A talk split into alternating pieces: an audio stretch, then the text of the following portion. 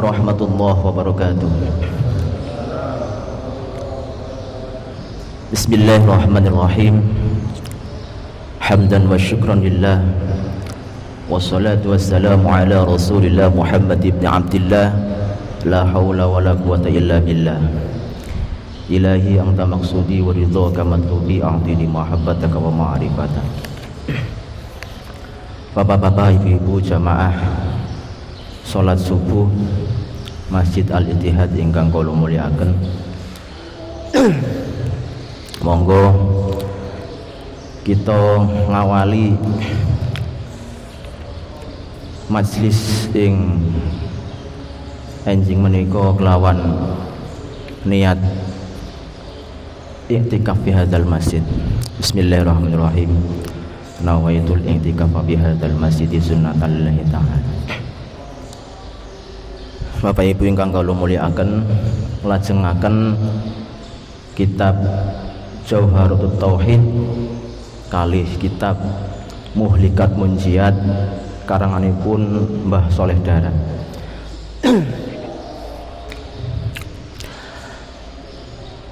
sebagaimana yang pernah dibahas pada pertemuan kemarin yakni salah satu kewajiban bagi kita seorang mukallaf adalah mengetahui tiga ilmu ya. Tiga ilmu ini hukumnya fardu ain. Mempelajari tiga ilmu ini hukumnya fardu ain.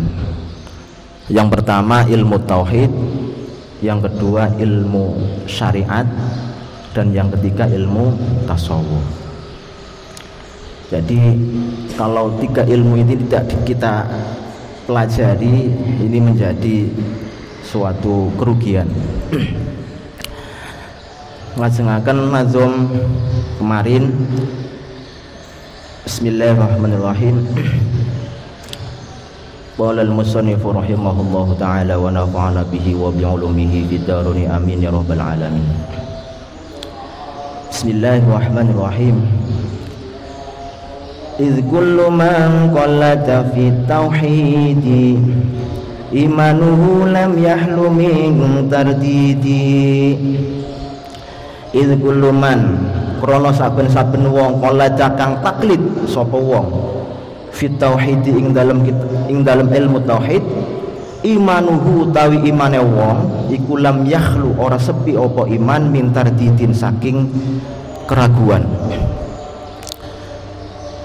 jadi menurut musonef di sini di dalam nazam ini menjelaskan tentang bahwa orang yang taklid orang yang taklid tentang ilmu tauhid ini imannya menjadi lemah.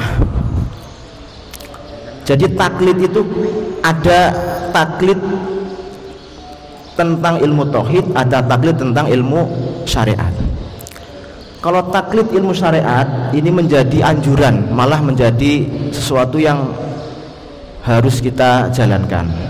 Misalkan kita taklid dengan Imam Syafi'i, taklid dengan Imam Hambali, Imam Ahmad bin Hambal, Imam Malik. Ini menjadi sesuatu yang harus. Karena kalau kita tidak taklid dengan beliau, maka ilmu syariat kita ini menjadi tidak memiliki madhab taklid dengan madhab di dalam ilmu fikih hukumnya menjadi sesuatu yang dianjurkan malah harus ya. Tapi kalau taklid dalam ilmu tauhid ini menjadi imannya lemah. Maksudnya gini ada perbedaan. Ketika orang taklid di dalam ilmu tauhid ya, ini kenapa menjadi imannya lemah? Karena perintahnya adalah ilmu tauhid itu dipelajari bukan ditaklidi Contoh gini, contoh yang paling mudah. Contoh yang paling mudah gini. Orang ada dua orang. Ini dalam rangka melihat uh, bulan mau apa masuk bulan Ramadan atau tidak ya, ru'yatul hilal. Yang satu menggunakan alat apa namanya untuk melihat rembulan menggunakan alat ya. Yang satu hanya mengikuti saja. Lah ini kira-kira yang taklid yang mana? Jadi taklid dalam ilmu tauhid ini adalah mengikuti pendapat seorang tanpa didasarkan dengan dalil-dalil yang jelas. Ya misalkan tadi misalkan contohnya adalah orang sedang ru'yatul hilal ini ada dua orang yang satu menggunakan alat melihat secara langsung yang satunya hanya mengikuti saja. Nah ini yang satu yang menggunakan alat ini namanya arif artinya orang yang mengetahui secara langsung dengan dalil dan dasar yang jelas. Yang satunya yang hanya mengikuti oh ya besok sudah masuk bulan Ramadan tapi dia hanya berdasarkan berdasarkan atas mendapat orang lain. Ya. Mengikuti pendapat orang lain. Ini menjadi mukallid orang yang taklid.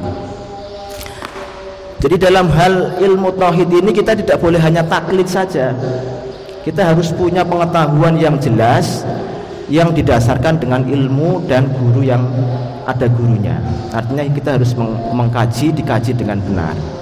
Nah, ini ini maksud daripada uh, nazom ini. Jadi hukum taklid dalam ilmu tauhid hukumnya tidak tidak boleh. Ilmu tauhid harus dipelajari. Harus di, dipelajari secara rinci. Untuk apa? Untuk ma'rifatullah.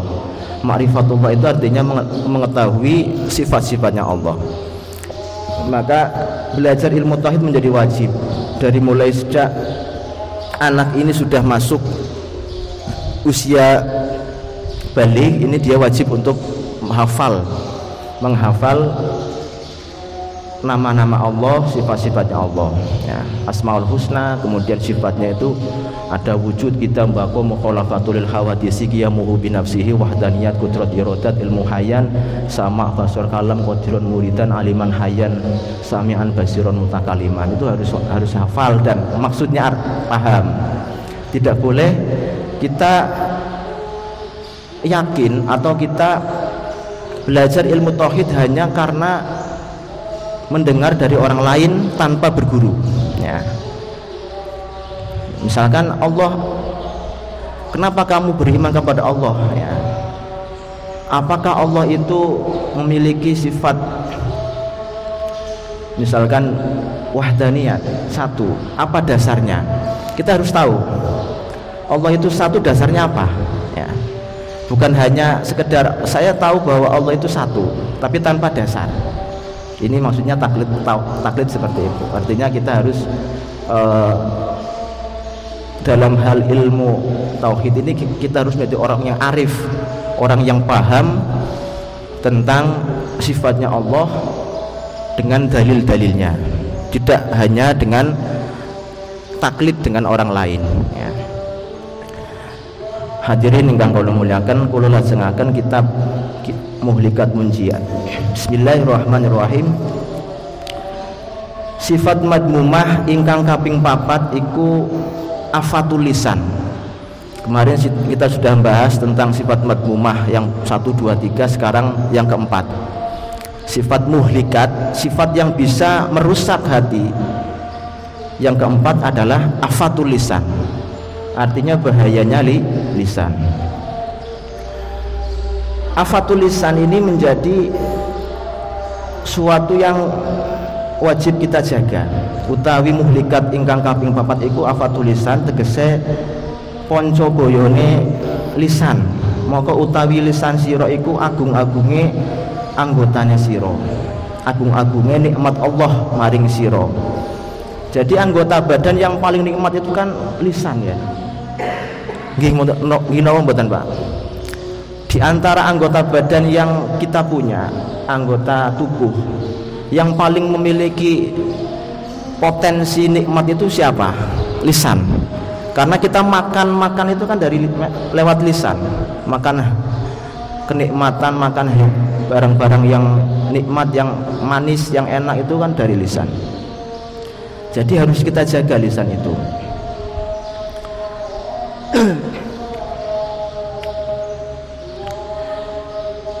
Bismillahirrahmanirrahim.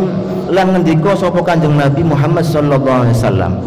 Sapa wonge kang ngreksa ing wetenge saking mangan haram lan ngreksa farjine saking perkara kang ala lan ngreksa lisane saking barang kang ora manfaati ing awake moko teman-teman kreksa wong iku saking sekabehane kealak keoloan lan kerusakan. Ya. Jadi orang yang bisa menjaga lisannya yang bisa menjaga farjinya dan yang bisa menjaga uh, hatinya ini adalah orang yang akan mendapatkan kebaikan akan kerekso ya akan terjaga.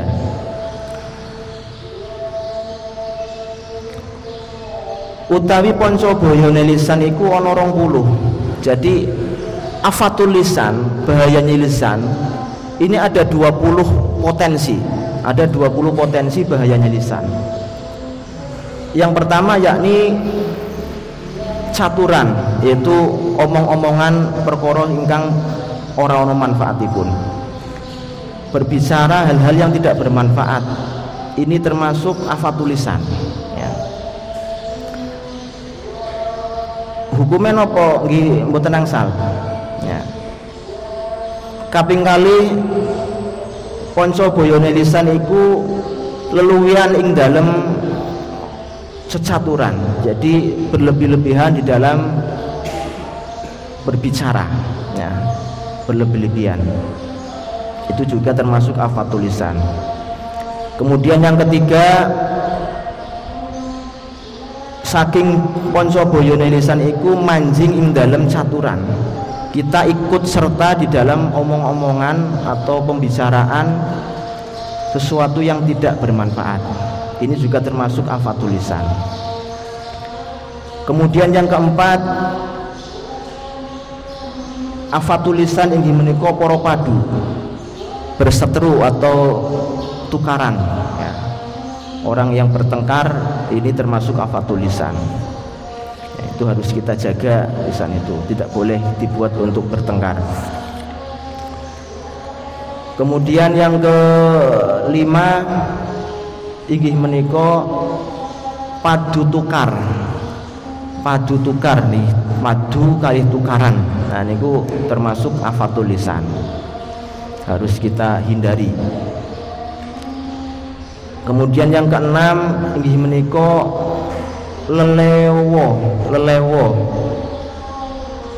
yaitu bertingkah ya kakean pola ya ini juga termasuk afatul lisan.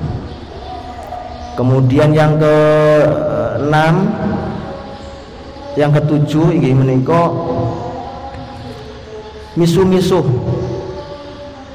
misu-misuh ya itu juga termasuk apa tulisan. Misu-misu itu nopo pak? Ya yo misu-misu corone uh, nggak nyami wong ya misu-misu itu, juga termasuk apa tulisan tidak boleh uh, kita pelihara ya, orang yang suka misu-misu itu pasti dia uh, akan masuk di dalam rusak kerusakan ya. Kemudian yang kedelapan nglaknati ing suwiji-wijine hayawan utawa liyane ya. Menghina hewan, binatang itu dihina itu juga termasuk apa tulisan. Nyuwun saya usah umpama enten enten anjing ya enten anjing terus rupone misalkan emang medeni ya.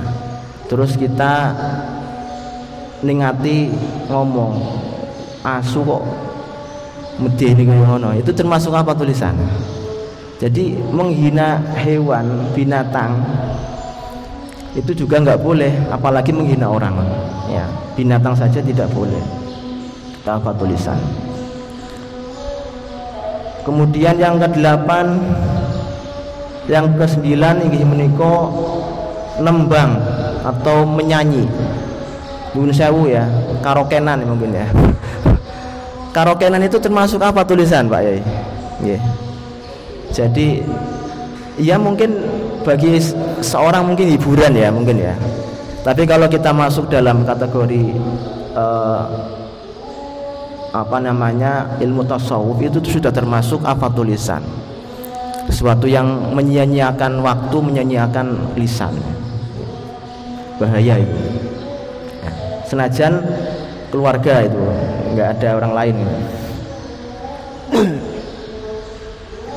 kemudian yang ke sepuluh afat tulisan yakni guyu, guyon ingkang kelawan banget. Guyu ngakak. Nek guyu ki sampai terpingkal-pingkal ini juga termasuk apa tulisan. Ya. Kenapa guyu kok dilarang? Atau guyu kok guyu ngakak itu termasuk apa tulisan? Jadi guyu ngakak atau guyu banget banget guyu iku jadi marisi mati ati. Jadi dengan kita sering ber apa namanya guyu ngaka atau meng, ber apa namanya guyu terlalu banter ini bisa nggawe kerasnya hati hati kita menjadi keras karena sering guyu terlalu banter ya. ya. ini ini juga uh, harus dihindari kalau guyu ya sing wajar saja jangan terlalu banter Kemudian yang ke 11 termasuk bagian apa tulisan iku ngino-ngino lan geguyu ing menungso menghina orang lain atau guyuni wong liya yang arahnya adalah merendahkan. Tapi kalau guyu arahnya untuk bersanda nggak masalah. Kalau arahnya mengguyuni karena merendahkan orang lain ini termasuk hafal tulisan kemudian yang ke-12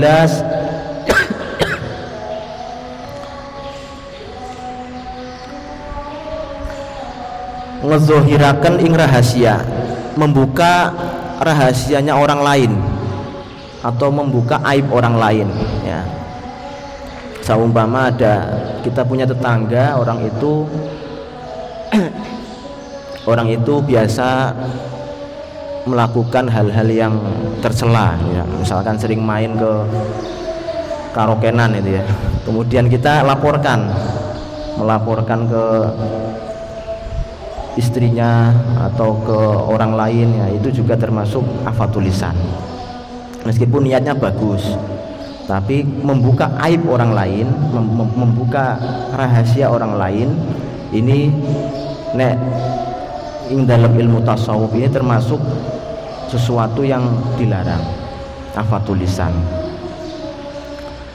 kemudian yang ke-14 yakni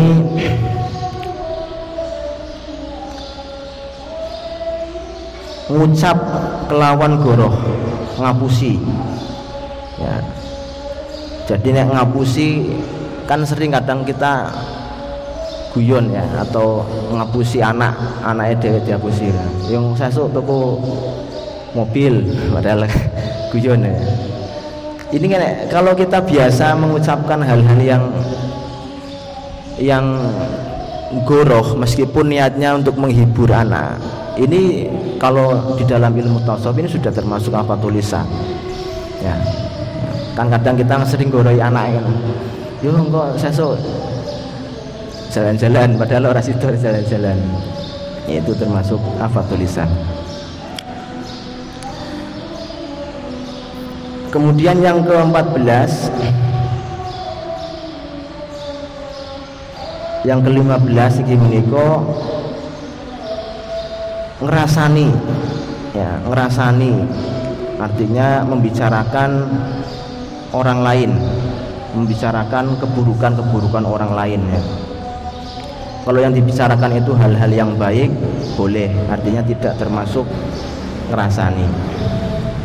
Ini ada sebuah asar dari sahabat Sayyidina Umar bin Khattab radhiyallahu an. Wajib siro kelawan eling ing Allah kelawan lisan utawa ati mongko krana setuhune eling ing Allah iku dadi amrasaken ing ati. Lan wudya sira ing ngrasani lan ngeling-eling olone menungso mongko krana iku dadi penyakit ing dalam hati jadi kalau kita sering ngerasani orang orang lain ini menjadi penyakit kita. Itu penyakit hati termasuk. Ya. Kemudian lan setuhune amal soleh wong kang ngrasani iku yakti den alap ya. Jadi kula ngrasani tiang saya merah apa ngerasani tonggo. Misalkan ngerasani Pak Nasruddin. Ini nek coro hadis niku ganjaranku diparingke Pak Nas. Ya ganjaran wong sing ngerasani niku mangke diberikan kepada orang yang dirasani. Jadi nek kita sering ngerasani wong yo sodakoh ganjaran. Maring wong liyo maring wong sing dirasani. Niku hadis niku sahih niku ya. Lamun orang duwe amal soleh mongko olone wong kang den rasani iku den tibukaken maring wong kang rasani. Kalau saya seumpama nggak punya pahala nggak punya amal soleh maka ketika saya ngerasani orang lain ya dosanya wong sing dirasani dialap atau dilimpahkan kepada kita kalau kita punya amal soleh, amal soleh kita diberikan kepada orang yang dirasani. Kalau kita nggak punya amal soleh, maka dosanya orang yang dirasani itu dilimpahkan kepada kita. Ya. Itu bahayanya ngerasani. Senajan itu sesuatu yang apa ya? Mungkin sudah menjadi kebiasaan gitu. Karena kita kadang-kadang ngobrol ngalong ngidul tekan-tekannya ujung-ujungnya ngerasani kan Pak. Dan itu masalah ya itu masalah di situ. Kenapa kita tidak boleh ngomong yang tidak ada manfaatnya? Karena nanti ujungnya mengarah kepada ngerasani orang lain ya itu. Itu maka kemudian uh, salah satu afat tulisan itu yang ngerasani. Ada nggak ngerasani yang diperbolehkan ini dalam hadis ada. Ini diterangkan bahwa wa'lam werwasira setuhune ngrasani iku den wenangake ing dalam enam perkara. Ada enam perbuatan, ada enam ngrasani yang boleh dilakukan. Ya, ngrasani ngrasani orang tapi boleh hukumnya. Yaitu yang pertama wong kang den aniaya. Mongko wenang wong iku nyebutakan keolokane wong kang nganiaya ning ngarepe hakim. Jadi orang yang di orang yang apa namanya korban menjadi korban dia boleh mengutarakan keburukan orang di hadapan hakim ya misalkan korban pemerkosaan itu boleh diceritakan siapa yang memperkosa kemudian bagaimana keadaannya seperti apa itu harus diceritakan. Itu boleh. Itu senajan ngerasani tapi kan de, e, untuk menjelaskan sesuatu permasalahan atau suatu kasus di hadapan hakim. Kemudian yang kedua ngerasani krono arah jaluk tulung. Maring wong ngelingaken mungkar. Jadi ngerasani ngerasani wong tapi karena jaluk tulung misalkan gini aku nyeluk tulung iki bojoku kok kayak ngene. Tulung sampean kandani ya tulung sampean uh, apa namanya nasihati. Jadi diceritakan bojoku seperti ini seperti ini seperti ini. Itu boleh ya. Karena arah meminta pertolongan karena perbuatan mungkar yang dilakukan oleh seorang. Kemudian yang ketiga ngerasani yang diperbolehkan adalah kronon jaluk pituah maring mufti. Jadi misalkan ada seorang minta penjelasan kepada seorang mufti. Mufti itu hakim bisa hakim atau seorang yang alim ya tentang permasalahan rumah tangga. Saya punya rumah tangga seperti ini Pak Yai ini bagaimana solusinya? Ya istri saya seperti ini seperti ini seperti ini. Itu karena arah untuk meminta fatwa meminta keputusan itu juga boleh. Kemudian yang keempat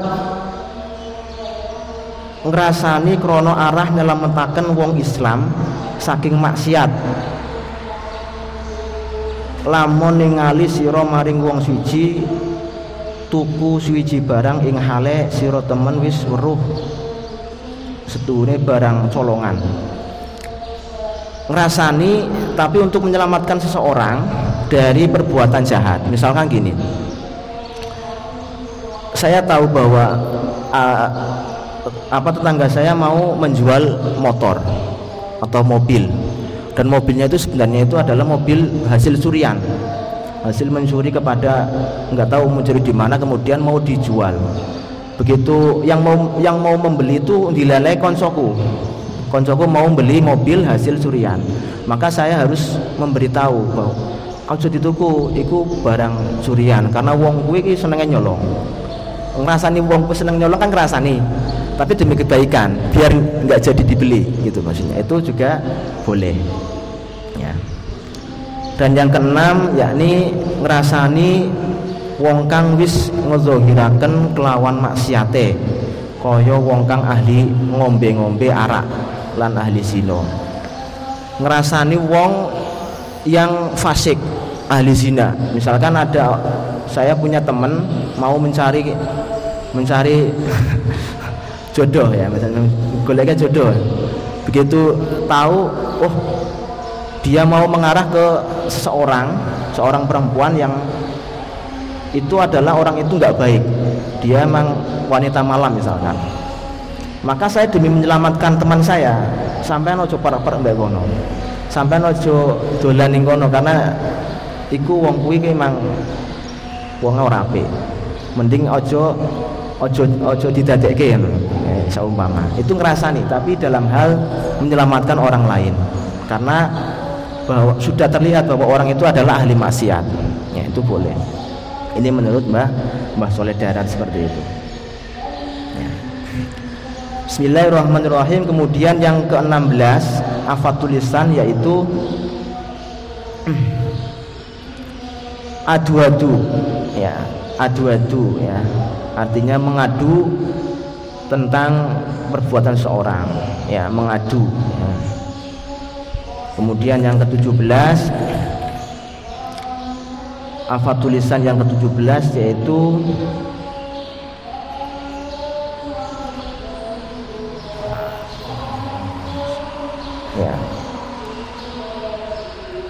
duweni lisan loro wong kang duweni lisan loro artinya omongannya nggak bisa dipegang ya. Hari ini ngomong A besok ngomong B ya. Yaitu termasuk afat tulisan orang yang mencela-mencela omongannya orang yang omongannya tidak sesuai dengan kenyataan mencela-mencela ya. Sehari ngomong A sehari ngomong B ini termasuk afat tulisan tidak boleh kemudian yang ke-18 yakni ngalem maring menungso. Ngalem ya. Nyuwun sewu. Kan ngalem itu kan api ya Pak ya. Kita mengunggulkan atau memuliakan orang lain itu kan ngalem gitu tujuannya bagus. Tapi nyuwun sewu ini nek soro ilmu tasawuf ngalem itu tuh sudah termasuk apa tulisan. Kenapa? Ada penjelasan di sini Mbak Sore Darat menjelaskan bahwa ada bahaya yang timbul dari ngalem. Dengan kita mengalem seseorang atau memuliakan seseorang itu ada bahaya. Yang empat itu bahayanya bagi orang yang di alam eh, yang ngalem. Yang dua itu bahaya bagi orang yang di alam yang empat itu apa? Bahaya bagi orang yang ngalem orang yang memuji. Yaitu yang pertama adalah terkadang wong sing ngalem iku banget-bangetaken ing dalem pengaleme moko tumeka maring goroh. Jadi memuji itu kan kadang-kala kita mengunggulkan yang tidak sesuai. Misalkan sampean kok ganteng banget aslinya ya ora. Ya biasa no. Ya, Pak Nasruddin itu ya ganteng banget ya umpama ning ngarepe Pak Nasruddin tujuannya ben seneng kan. Tapi kan di situ sudah kita sudah goroh saat jenis panas yo biasa-biasa wae. Itu termasuk afatul lisan senajan niatnya bagus. Kemudian yang kedua wong kang ngalem iku terkadang kepanjingan ria. Kadang orang yang ngalem orang yang memuji itu kan tujuannya ria ya ria biar dia di sanjung atau biar dia di alam lagi oleh orang yang ngalem. Kemudian yang ketiga wong kang ngalem iku terkadang ngucapaken ing barang kang ora den nyata-nyataaken dhewe. Krana setuhune wong iku ora weruh ing dalem atine wong kang den alem ya. Jadi terkadang orang alam itu emang ngomong yang tidak nyata ya kemudian yang keempat bahayanya alam itu setuhune wong kang den alam terkadang jadi bunga. Ya. Terkadang jadi bunga sebab dan alam ya. Ya jadi gawe bunga maring wong karena di alam moko jadi nyono bagusi awake ing hale awake iku pasek utawa zolim. Dan mengkono iku ora menang ya. Kemudian anapun boyo kang manjing maring wong kang den alam kemudian bahayanya bagi orang yang di alam yang dipuji itu ada dua. Yang pertama yaitu orang yang di alam orang yang dipuji itu jadi nekaaken takabur atau ujub. Nek orang dipuji biasanya dia akan naik ya. Hatinya bunga dan takabur akhirnya dia sombong. Orang yang sering di alam orang yang sering dipuji biasanya dia akan sombong. Nah, itu itu bahayanya. Kalau orang selalu dipuji-puji ya ini ini pemimpin ini sekarang hebat. Pokoknya dipuji terus itu nanti dia akan naik-naik menjadi sombong bagi orang yang dipuji. Kemudian yang kedua wong kang den alam tatkalane den alam kelawan bagus moko bunga lan rito kelawan awake lan gawo akan ing awake dhewe lan arah iku ngendika Kanjeng Nabi tatkala ning alam sira ing sedulur ira ing dalem adu arepan moko kaya seduhune sira iku teman-teman nugel gulune sedulur sira ya jadi orang yang di alam itu dia akan menjadi bahagia dan melayang gitu ya. Orang di alam itu kan seneng ya. Apalagi yang alam itu nyuwun sewu. Pacarnya misalkan. Pacarnya ngalem ya, seneng pol kan ya atau istrinya misalkan. Jadi ada bahaya di situ. Senajan kelihatannya itu adalah hal-hal biasa saja. Memujikan biasa baik ya. Tujuannya baik. Tapi ternyata kalau ditinjau dari ilmu tasawuf ini sudah ada indikasi keafatul lisan. Bahayanya lisan. Kemudian yang ke-19 yakni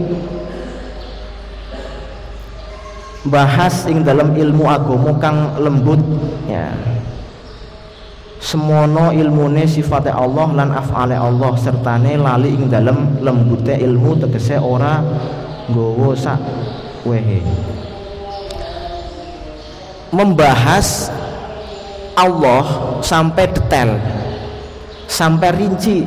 Allah itu seperti apa kemudian bentuknya seperti apa tanpa dasar yang jelas atau tanpa pengetahuan yang benar.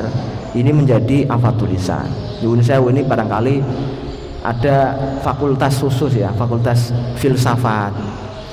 Usuluddin ini biasanya arahnya ke sana, arahnya itu bahas masalah Allah dari sifatnya sampai ke detail afalnya Allah itu.